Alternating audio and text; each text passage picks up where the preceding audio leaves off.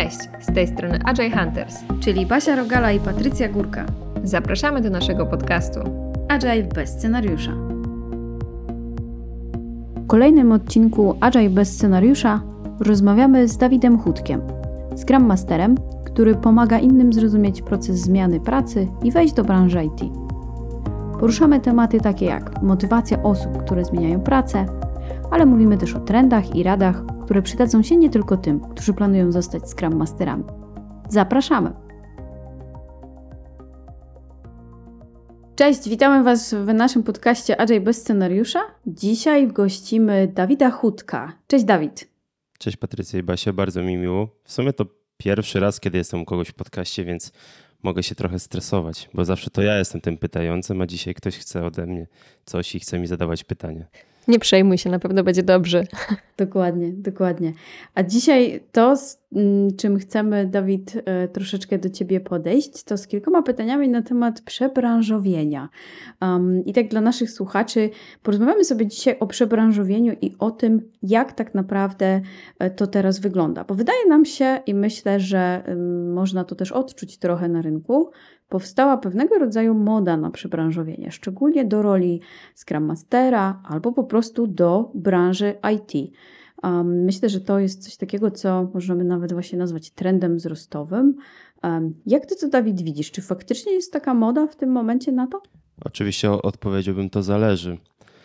Ja jak zacząłem myśleć o swoim przebranżowieniu, to chyba najbardziej popularnym, popularną rolą była rola testera a, a, a właściwie to testera manualnego. I też w sumie przez jakiś czas myślałem, że właśnie rola taka testerska, która w sumie jest związana z jakimiś tam umiejętnościami technicznymi, a z racji tego, że też miałem okazję skończyć studia inżynierskie, jest czymś, co właściwie mógłbym robić. Ale odchodzimy od pytania. Uważam, że tak, że jest taka trochę powiedzmy fala wznosząca, jeśli chodzi o zainteresowanie zostanie Scrum Masterem i nie tylko z powodu tego, że jest to rola, która uważana jest za rolę nietechniczną. Uważam także, że coraz więcej ludzi widzi, że jest potrzeba pomocy innym ludziom, a także jest coraz więcej ludzi, którzy po prostu lubią pracować z innymi ludźmi, lubią tworzyć zespoły, lubią sprawiać, że zespoły będą efektywniej pracować ale nie chcą pracować w aktualnej roli, bo są to też ludzie, którzy pracują już na rolach związanych z zarządzaniem zespołami i tak dalej, ale po prostu szukają roli, gdzie mogą stanąć obok tego zespołu, a nie nim zarządzać. Więc tak, widzę taki trend, mm, także z ludźmi, z którymi ja współpracuję, jeśli chodzi o coś, co ja mogę nazwać mentoringiem, jeśli chodzi o przebranżowienie się, to coraz więcej ludzi właśnie chce zostać Scrum Masterem, um, ale jakby trochę prawda jest taka, że nie wszyscy mogą tym Scrum Masterem zostać. I to jest też coś, co ja z tymi ludźmi staram się przepracować podczas naszej współpracy. Jasna sprawa, jakby w pełni to rozumiemy i się zgadzamy, że to też nie jest zawód dla wszystkich, ale zastanawiamy się z Basią w sumie, jak to było u Ciebie, bo powiedziałeś, że powódki do tego, dlaczego ludzie chcą zostać Scrum Masterami są różne. I powiedz nam może właśnie więcej, jak to się stało, że Ty zostałeś Scrum Masterem? Co było tym powodem? Czy ta zmiana była planowana?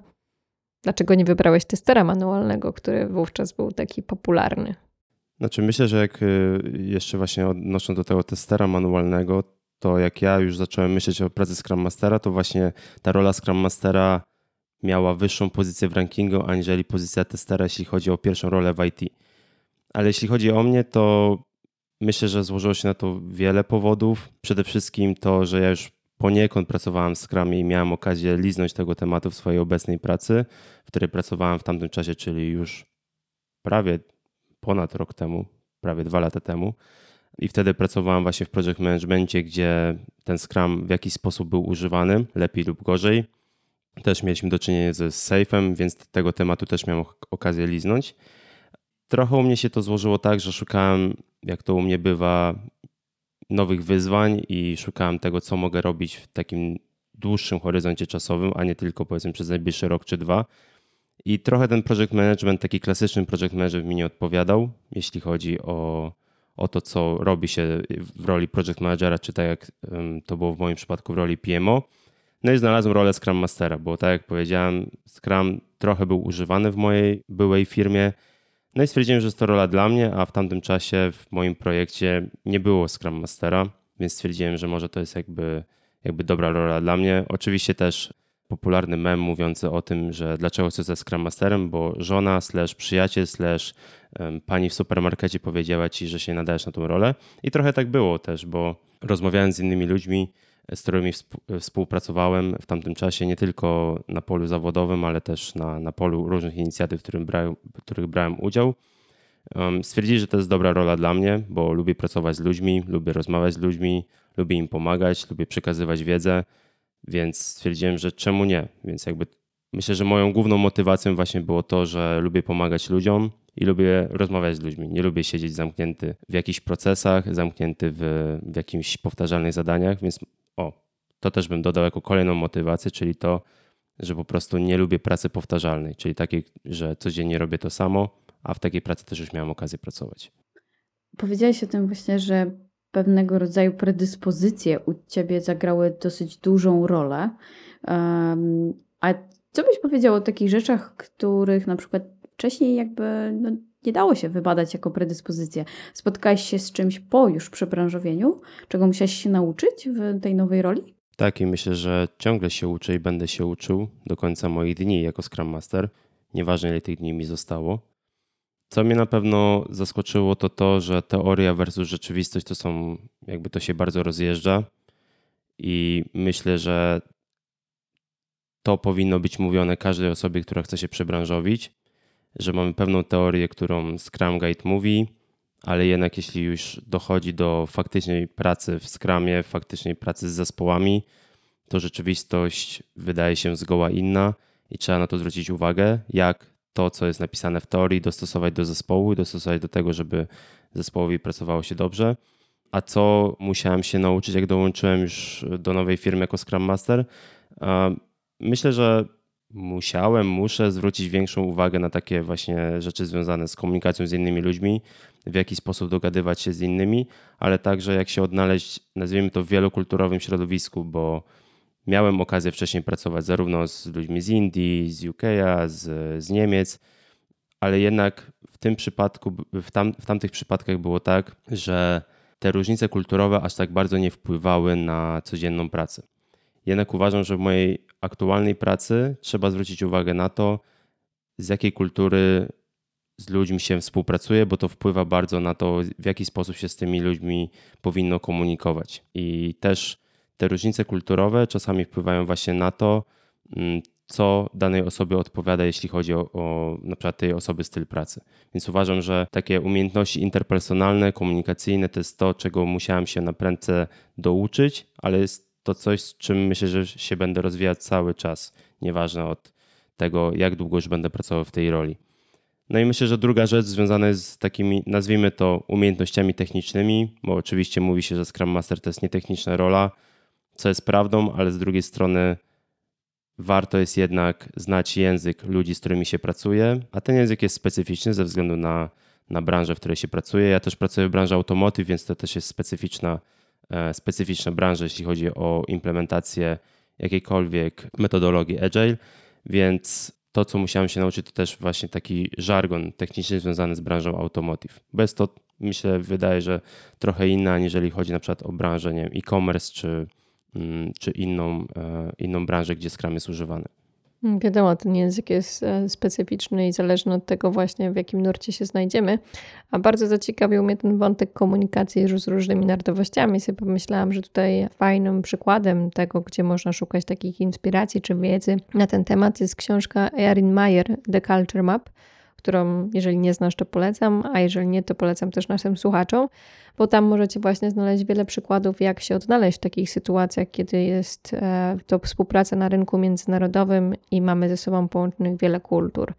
Ale wracając tak troszeczkę do tego tematu przebranżowienia, e, bo to o tym głównie chcemy dzisiaj rozmawiać, chciałybyśmy się spytać, jak to jest z motywacją innych ludzi? Dlaczego ludzie chcą najczęściej z Twojego doświadczenia e, zostać tymi Scrum Masterami?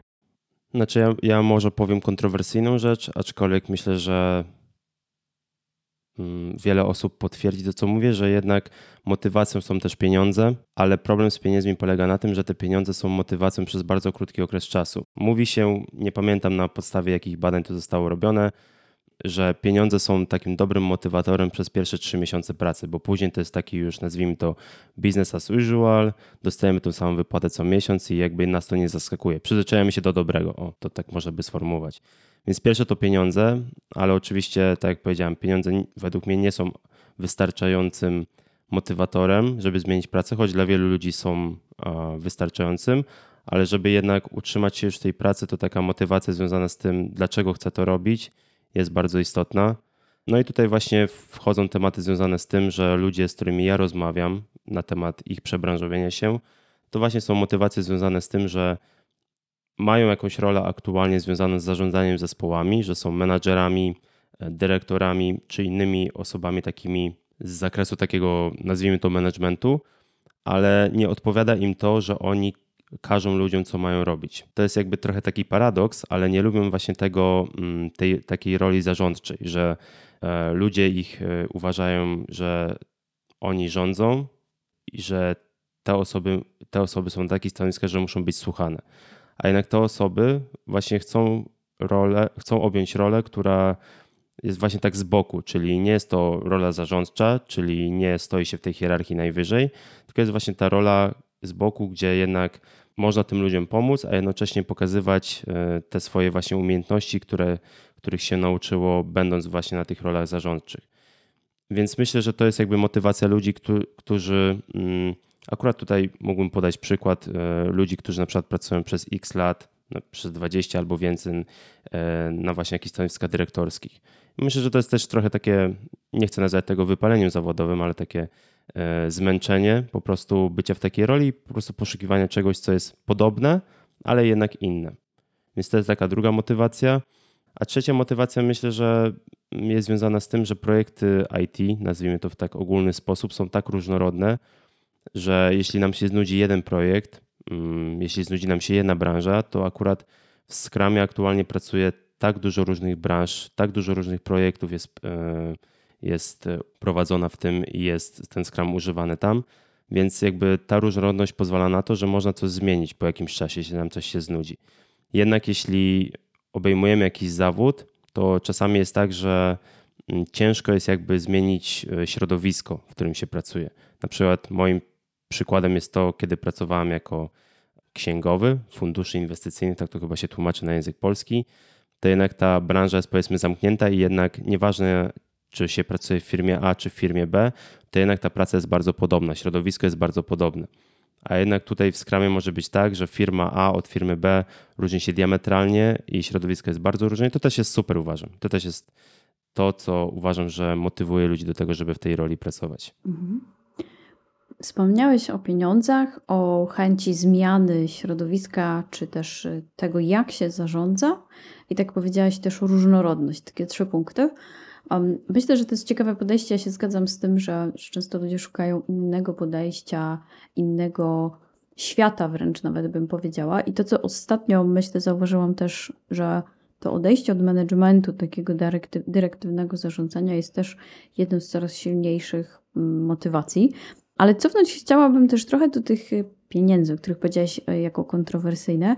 Myślę, że to jest coś, co można by nawet nazwać takim antypaternem. Mm, ludzie kierują się branżą IT, byciem Scrum Masterem, mm, jako łatwym zarobkiem, mm, łatwym wejściem, łatwym progiem, w ogóle co tam trzeba wiedzieć, żeby na tego Scrum Mastera być. Przecież to proste, umiejętności miękkie.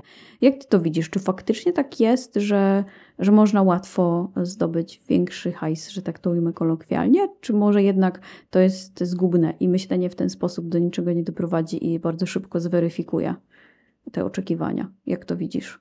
Czy znowu bym powiedział, że to zależy mm, i tutaj bym powiedział z dwóch perspektyw. Pierwsza jest taka, że jeśli mamy osobę, która na przykład pracuję na dyrektorskim stanowisku. Ja lubię ten przykład, e, bo on pokazuje wiele rzeczy właśnie związanych z tym, jak można zostać Scrum Masterem z kompletnie innej branży, ale jeśli ktoś pracuje na przykład właśnie na tym dyrektorskim stanowisku, myślę, że zarabia sporo pieniędzy, to jednak pójście na tego Scrum Mastera bez doświadczenia oznacza, że jednak ta pensja jego będzie niższa. Tak, jakby ja to tak mogę podsumować. Mm, oczywiście nie, nie chcę generalizować, ale myślę, że, że taka sytuacja może wystąpić. Więc pierwszym z problemów może być to, że ktoś chce zostać Scrum Masterem, ale nie zostanie Scrum Masterem, bo pieniądze są mniejsze i to jest jakby druga strona tego medalu. A co powiesz o takich ludziach? Bo my też na, na przykład często mamy takie y, osoby na naszych szkoleniach, które faktycznie kierują się finansami, bo na przykład y, ich prace, stanowiska były dużo no, gorzej opłacane. No, umówmy się, jakby powiedzmy w innych obszarach zawodowych też to tak wygląda. Um, I wiem, że też, y, i za chwilkę też o tym powiemy, um, pomagasz ludziom zmieniać um, pracę, przebranżowić się i, i starasz się też z nimi jakby racjonalizować może takie oczekiwania względem finansów, czy raczej ludzie sobie w większości przypadków zdają z tego sprawę i nie ma takiej potrzeby? Myślę, że to też zależy od tego, kto pracuję w jakiej aktualnie branży, bo to jest kwestia względna. Zarabianie dużej ilości pieniędzy jest kwestią względu w zależności od tego, z jakiego punktu startujemy. Ale jeśli chodzi o wynagrodzenie, to zawsze to, co ja mówię ludziom, którzy chcą się przebranżowić, to to, że jeśli idą na rozmowę rekrutacyjną, to żeby byli pewni tego, ile chcą, żeby nie zastanawiali się podczas tej rozmowy. Na pewno, jeśli chodzi o temat pieniędzy, to jest tak, że jeśli zmieniamy pracę, to zazwyczaj chcemy zmienić pracę, która jest lepiej płatna to, co ja chcę przekazać też, to jest to, że to nie będzie zawsze tak, że właśnie to będzie związane z, z tym, że będziesz po prostu zarabiać więcej, bo to zależy od tego, ile aktualnie zarabiasz. I jest właśnie ten przykład związany z tym dyrektorem, dyrektorem na przykład sprzedaży czy coś takiego. Na dłuższą metę myślę, że pieniądze nie są jakby dobrą motywacją, bo tak jak wcześniej y, powiedziałem, nawet jeśli dostaniemy tą pracę jako Scrum Master, bo myślę, że możemy sprawdzić, ile Scrum Master zarabia, bo są jakieś raporty i tak dalej, to jednak po jakimś czasie to się stanie dla nas już, mm, nazwijmy to, takie normalne, że zarabiamy więcej. Jeśli nie mamy innych motywacji i jeśli, odnajdziemy, jeśli nie odnajdziemy w tej naszej już pracy jako Scrum Master czegoś, co nas bardziej motywuje, aniżeli pieniądze, no to bardzo szybko stwierdzimy, że chcemy zmienić pracę na inną i będziemy szukać pewnie nowej ścieżki kariery. Myślę, że jakby pójście na rozmowę rekrutacyjną i powiedzenie, dlaczego chcę ze Scrum Masterem, bo chcę zarabiać więcej pieniędzy, myślę, że nie zda egzaminu i myślę, że nikt tak, nikt tak nie robi, nie? Raczej mm, jeśli idziemy na rozmowę rekrutacyjną, to ja, ja to opisuję w ten sposób, że musisz coś zaoferować pracodawcy, bo ten pracodawca będzie ci płacił co miesiąc, coś, coś w formie subskrypcji że ty jesteś Spotify, a twój pracodawca jest po prostu e, subskrybentem twojego kanału na Spotify, czy po prostu e, utworów, kontentu, który dostarczasz mu. Więc myślę, że pieniądze są zgubne, jeśli chodzi o motywację, bo na dłuższą metę nie zadziałają i taka osoba szybko się, nazwijmy to, wypali i nie będzie się jej chciało po prostu pracować, nie będzie odnajdywała radości, szczęścia w tym, co robi, ale z drugiej strony jednak trzeba być być jakby pewnym tego, czego się chce, jeśli chodzi o takie jakby zaplecze finansowe, jeśli chodzi o tą nową pracę. Przypomniałeś mi taką sytuację kiedyś z rekrutacji, gdzie jeden z kandydatów na Scrum Mastera zapytano to, dlaczego chce zostać Scrum Masterem, powiedział, że to jest łatwa praca. Więc to tak mi się mhm. przypomniało.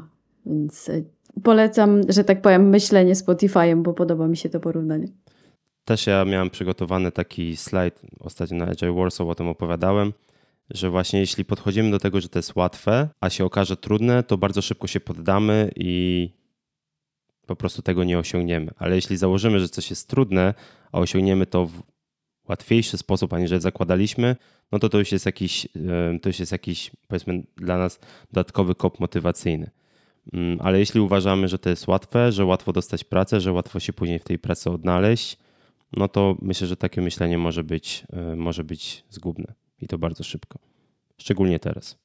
Dokładnie. Ja się trochę śmiałam, Basia, z twojego żartu, bo traktuję mm, to trochę jako w formie żartu, że praca Scrum Mastera jest łatwa, bo z pewnością to chyba trzeba sobie głośno powiedzieć, że nie jest. I tutaj też chciałam jeszcze wrócić, Dawid, trochę do tego, co powiedziałeś, że Ludzie, których motywacją jest głównie ten pieniądz, e, po jakimś czasie mogą stać się wypaleni. Ja spotkałam się z takim podejściem do tego, że stosunkowo łatwo jest dostać pracę jako Scrum Master, e, nawet nie będąc właśnie osobą techniczną, i to otwiera wielu osobom wejście do świata IT. Co sądzisz o takim podejściu, że właśnie zostają Scrum Masterami tylko po to, żeby się zahaczyć w tym, w tym IT i jakoś pójść dalej? Spotkałeś się też z takim podejściem? Mm, niestety nie spotkałem się, bo jednak myślę, że jeśli ktoś chce zostać osobą inną niż Scrum Masterem z punktu widzenia e, nazwijmy to tego świata IT szeroko pojętego, to jednak będzie próbowała w mojej opinii, jakby od razu aplikować na daną rolę, na przykład na stanowisko juniorskie. Jeśli nie wiem, ktoś chce zostać programistą czy mm, jakimś architektem, to jednak wydaje mi się, że ścieżka poprzez zostanie Scrum Masterem nie jest dobrym pomysłem. Bo tak naprawdę, co ta rola Scrum Mastera może dać? No, może dać to, że załapiemy się do danej firmy i będziemy mogli zdobyć jakieś kontakty, które później nam pomogą w rozwoju dalszej, dalszej kariery. Mm, ale nie, nie spotkałem się z tym i jednak osoby, które chcą ze Scrum Masterami, to są osoby, które mm, zazwyczaj nie mają właśnie podłoża technicznego i w większości powiedziałbym, że to są osoby z branży edukacji, czyli nauczyciele, korepetytorzy, albo osoby, które właśnie są związane z szeroko pojętym zarządzaniem ludźmi, mm, ale nie, nie, nie spotkałem się, żeby ktoś rozpatrywał pracę Scrum Mastera jako taką bramkę do, do, kolejnych, do kolejnych ról. Nie wiem, jak, jaki miałby być cel tego, żeby być Scrum Masterem, żeby co później? Zahaczyć się w branży IT, tak? No, ja się z takim podejściem niestety spotkałam, więc trochę cieszy mnie to, co ty powiedziałeś, że właśnie wręcz przeciwnie, że osoby, które trafiają gdzieś do ciebie na ten mentoring, o którym wspominałeś, czy właśnie na warsztaty, nie wychodzą z takiego założenia, że to właśnie jest ich furtka do, do IT. I właśnie jak już mowa o tych warsztatach, e, bo wiemy z Basią, że prowadzisz takie warsztaty właśnie dla ludzi, którzy chcą się przebranżowić, to może byś powiedział krótko, w dwóch, trzech zdaniach, co tak naprawdę na tych warsztatach się dzieje, o czym opowiadasz, jak one mniej więcej wyglądają. Mhm. E, zanim powiem o swoich warsztatach, to tylko przypomniało mi się, że jak spotykam ludzi, którzy chcą wejść do świata IT, a nie chcą na razie zostać Scrum Masterem, na przykład wybierają rolę takiego IT PMO albo IT Project Managera, ale to jakby taka e, notatka na boku. Ja w swoich warsztatach głównie się właśnie skupiam na tym, żeby osoby, które przychodzą do mnie, faktycznie zdefiniowały to, dlaczego tym Scrum Masterem chcą zostać i chcę to osoby uświadomić, czy ta rola jest tak naprawdę dla nich. I to jest jakby jeden, jeden z punktów. Bo jeśli w tym momencie stwierdzimy, albo ta osoba stwierdzi, że ta rola nie jest dla niej, dla niego, no to jakby lepiej w tym momencie zakończyć ten proces przebranżowienia i pomyśleć o czymś innym, aniżeli brnąć w to i później być po prostu niezadowolonym. E, to, to jakby to podejście mi się wzięło z, z tego znanego powiedziałem fail fast, czyli żeby po prostu upadać szybko i kończyć projekty, które nie mają dalszej racji bytu bardzo szybko. Później się skupiamy właśnie na tym, w jaki sposób można rozwijać umiejętności Scrum Mastera, nie będąc tak naprawdę Scrum Masterem, czyli co można robić, żeby zdobyć to doświadczenie, bo jak wiemy, albo może słuchacze wiedzą, głównym takim problemem ludzi przebranżawiających się jest to, że po prostu firmy wymagają x lat doświadczenia na starcie. Czyli jeśli nie masz komercyjnego doświadczenia, no to nie masz co w ogóle aplikować. Ja się z tym do końca nie zgadzam, ale to jest w ogóle mm, temat na, na inną rozmowę. Więc ja staram się pokazywać uczestnikom moich warsztatów, czy osobom, które w ogóle do mnie dzwonią, z którymi rozmawiamy, że to doświadczenie w jakiś sposób można zdobywać nie będąc Scrum Masterem, a poza tym umiejętności, które Scrum Master powinien posiadać, fajnie, żeby posiadał, można rozwijać poza w ogóle pracą Scrum Mastera. Więc bardzo dużo pracy, która, bardzo dużo pracy związanej z rozwojem samego siebie i z przygotowaniem do tej roli może być wykonana w ogóle zanim zostaniemy tym Scrum Masterem właściwym.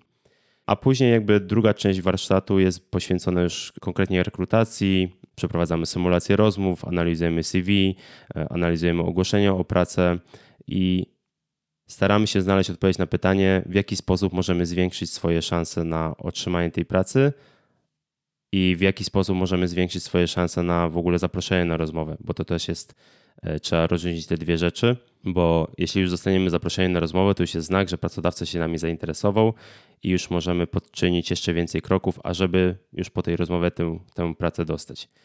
Więc tak podsumowując, Pierwsza część jest związana z tym, w jaki sposób możemy się rozwijać jako Scrum Master, nie będąc Scrum Masterem i co jest potrzebne, żeby tym Scrum Masterem zostać.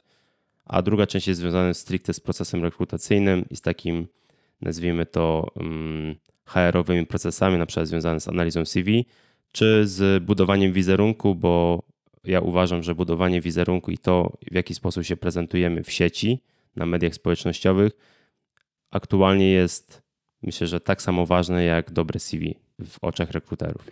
Dzięki bardzo za to, szczególnie za tą część, o której powiedziałeś o, y, o mediach. Myślę, że to jest bardzo ważne. Ale też y, pytanie mi się zrodziło w międzyczasie. Powiedziałeś o zwiększaniu szans i, i też w ogóle o procesie rekrutacji. Mm, to zastanawiam się, czy są jakieś takie rzeczy, które musisz wyjaśniać, rozbijać w związku z tym. Czy na przykład, nie wiem, kandydaci na Scrum Masterów, osoby, które się przebranżawiają, mają jakieś stereotypy typu, że to jest szybka piłka albo coś w tym stylu. Może są jakieś takie rzeczy, z którymi oni przychodzą i jakby są zupełnie w rzeczywistości inaczej jakby postrzegane przez rynek. Widzisz coś takiego? Nie wiem, ile rzeczy wymienię, więc powiem, że kilka wymienię i zacząłbym od tego, że to nie jest stereotyp, ale to jest przekonanie albo taka obawa, że nie będę ogłaszał się publicznie, że szukam pracy, bo mój aktualny pracodawca mnie zwolni. I pamiętam, że na jednym ze spotkań, które miałem, bardzo dużo czasu właśnie poświęciliśmy na dyskusję na ten temat, dlaczego się boimy publicznie ogłaszać, że, chce, że szukamy pracy. To nie było w sumie, to już nie było z tym, że ogłaszamy się, że szukamy pracy, ale było związane z tym, że jeśli zaczniemy działalność w tym temacie, czyli zaczniemy na przykład publikować coś o Scrumie, komentować posty, angażować się w jakieś społeczności i tak a pracujemy w kompletnie innej branży aktualnie, to nasz pracodawca może zauważyć tą naszą niecodzienną aktywność i może stwierdzić, że chcemy tą firmę zostawić, więc pracodawca przyjdzie i zrobi to szybciej, w sensie szybciej e, usunie nas z aktualnej branży. I myślę, że to, nie wiem, czy to jest, można to nazwać stereotypem, ale istnieje takie przekonanie, taka obawa właśnie przed tym, że pracodawca nas zwolni, bo chcemy zmienić pracę, bo szukamy nowych wyzwań zawodowych. To jest pierwsza sprawa. Druga sprawa jest związana z tymi słynnymi systemami do analizy CV, tymi systemami, które przepuszczają CV przez jakieś algorytmy, porównują Twoje CV z ogłoszeniem o pracę i jeśli się nie maczujesz w 100% z ogłoszeniem o pracę, to cię automatycznie odrzuca ci po prostu wysyła z bota maila, że dziękujemy za proces za wysłanie CV, ale nie pasujesz do naszego ogłoszenia. Ja też rozmawiałem z kilkoma osobami z rekrutacji na ten temat i to generalnie jest nieprawda. Prawdą jest to, że te systemy istnieją, ale nieprawdą jest to, że jeśli w 100% nie spełniasz e, wymagań danego ogłoszenia o pracę, to, to twoje CV nie trafi dalej. To jest jakby pewne sito, które służy rekruterom, jest jakby pomocnym narzędziem w, jak to się mówi ładnie, filtrowaniu CV, ale nie jest czymś, co automatycznie odrzuca CV człowieka, e, jeśli nie spełnia 100% wymagań, bo zawsze jednak na końcu tego procesu stoi człowiek i ten człowiek zawsze ma możliwość daną osobę, nazwijmy to, przywrócić do procesu rekrutacyjnego. To jest druga sprawa. Trzecia sprawa jest właśnie związana z tym, że z taką obawą, jeśli chodzi o aplikowanie na ogłoszenie o pracę, bo nie spełniamy właśnie wszystkich wymagań. I myślę, że tutaj też trzeba postawić, powiedzieć pewne stwierdzenia albo mm, powiedzieć sobie, że pro, idealny kandydat nie istnieje. W sensie, w mojej opinii, nie istnieje kandydat, który spełnia 100% wymagań danego ogłoszenia. Oczywiście, znowu nie chcę generalizować, ale z ogłoszeniami, z którymi ja się spotkałem, zazwyczaj jest tak, że zawsze się znajdzie coś, co może nie pasować do Twojego CV. I ja, jak aplikowałem na ogłoszenie o pracę jako Scrum Master, to w tamtym czasie nie było ogłoszeń mówiących o tym, że szukamy osoby bez doświadczenia komercyjnego, zaaplikuj do nas, na pewno dostaniesz pracę. Nie, nie było takich ogłoszeń. Teraz te ogłoszenia się pojawiają. Są stanowiska juniorskie, są stanowiska na staże, są też ogłoszenia, których, e, w których szukają wręcz Scrum Mastera slash Project Managera slash Product Ownera slash jeszcze nie wiadomo kogo. E, I tam jest właśnie dużo wymagań, dużo wymagań, które mogą zostać spełnione przez bo na przykład mamy doświadczenie w project managementie, ale trzeba właśnie sobie powiedzieć, że nie ma takiej opcji, że, mm, że 100% ogłoszeń spełnimy w 100% wymagań. Więc wydaje mi się, że takie główne trzy bym powiedział. Mhm. Ja bym jeszcze dodała do tego z własnego doświadczenia z, osób, z, z, pracy z osobami, które szukają jakby pracy właśnie od juniora, to, to przede wszystkim cierpliwość, bo często ludzie myślą, że efekty przyjdą szybko, a jednak to jest żmudna praca, zwłaszcza teraz, kiedy osób zainteresowanych wejściem do tej branży, czy w ogóle stanowiskiem Scrum Mastera jest zdecydowanie więcej niż kiedyś. Myślę, że to, to też jest e, warte podkreślenia.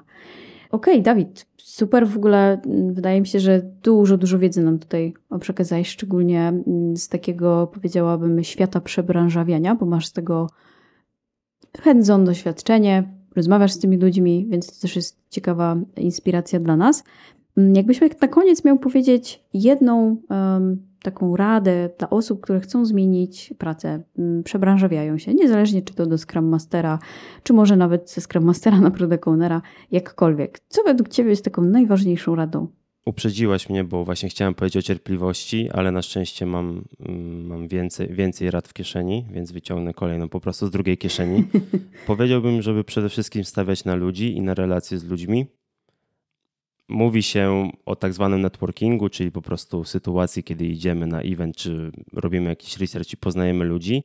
I to jest ok, ale uważam, że to, co jest istotne w dzisiejszych czasach, to stawianie na relacje z innymi, na takie zdrowe relacje, że ok, robimy ten networking, poznajemy innych ludzi, budujemy tą sieć kontaktów, ale jednak staramy się z niektórymi z tych ludzi budować jakieś relacje. Bo jeśli pomożemy jednej osobie, bo myślę, że każdy z nas jest w czymś dobry i jest w stanie pomóc innej osobie, to jest bardzo duża szansa, że ta osoba kiedyś nam może pomóc. A kto wie, czy to nie będzie osoba, która może nam pomóc właśnie w zdobyciu pracy jako Scrum Master. Chciałam zapytać, ile tych kieszeni jeszcze masz? Czy masz jakieś inne rady, ale e, dzięki, dzięki za, te, za, za te dwie. Wiesz co, a kto w dzisiejszych spodniach mam trzy kieszenie. To, to czy jest jeszcze jakaś rada z trzeciej kieszeni? Znaczy ja bym, jeśli, jeśli już miał, miałbym tą trzecią kieszeń otworzyć, to powiedziałbym, żeby właśnie się przygotować na gorszy scenariusz, aniżeli na ten lepszy. I to, co wspomniałem wcześniej, że lepiej się przygotować na to, że zajmie nam ten proces długo, aniżeli krótko, bo jeśli się nastawimy na takie, nazwijmy to, szybki strzał, czyli dzisiaj wysyłam CV, w przyszłym tygodniu dostaję pracę, no to możemy się zawieść i jednak ta motywacja, ta cierpliwość nam spadnie, ucieknie, więc mm, lepiej się przygotować na dłuższy proces, a później być po prostu mile, mile zaskoczonym. Super, super. Dzięki Dawid za te wszystkie porady i za całą rozmowę. Myślę, że dla naszych słuchaczy to będzie bardzo wartościowa, e, wartościowa treść. E, Mamy nadzieję, że Wam, słuchacze, ten odcinek przypadnie do gustu. Gdybyście chcieli podzielić się feedbackiem co do rozmowy właśnie naszej z Dawidem, e, będzie nam bardzo miło. To pozwoli nam nagrywać, mamy nadzieję, jeszcze lepsze podcasty w przyszłości. Dawid, jak Ty się czujesz po rozmowie z nami? Czy dla Ciebie też to było wartościowe przeżycie? Tak, oczywiście. Dla, dla mnie to było bar, bardzo wartościowe i dzięk, dziękuję bardzo za, za zaproszenie. A jeśli ktoś by chciał porozmawiać o przebranżowieniu, to zapraszam do kontaktu. Możecie mnie znaleźć głównie na LinkedInie, więc zapraszam. Zachęcamy też do warsztatów, które prowadzi Dawid. Jeżeli myślicie o przebranżowieniu, to na pewno jest to dobry adres. A jeśli chcecie poznać rolę Scrum Mastera od kuchni, trochę więcej pogłębić, e, bardziej pogłębić temat, to zapraszamy też na serię naszych szkoleń Doskonały Scrum Master. A tymczasem na dziś dziękujemy i do usłyszenia. Do usłyszenia. Do usłyszenia.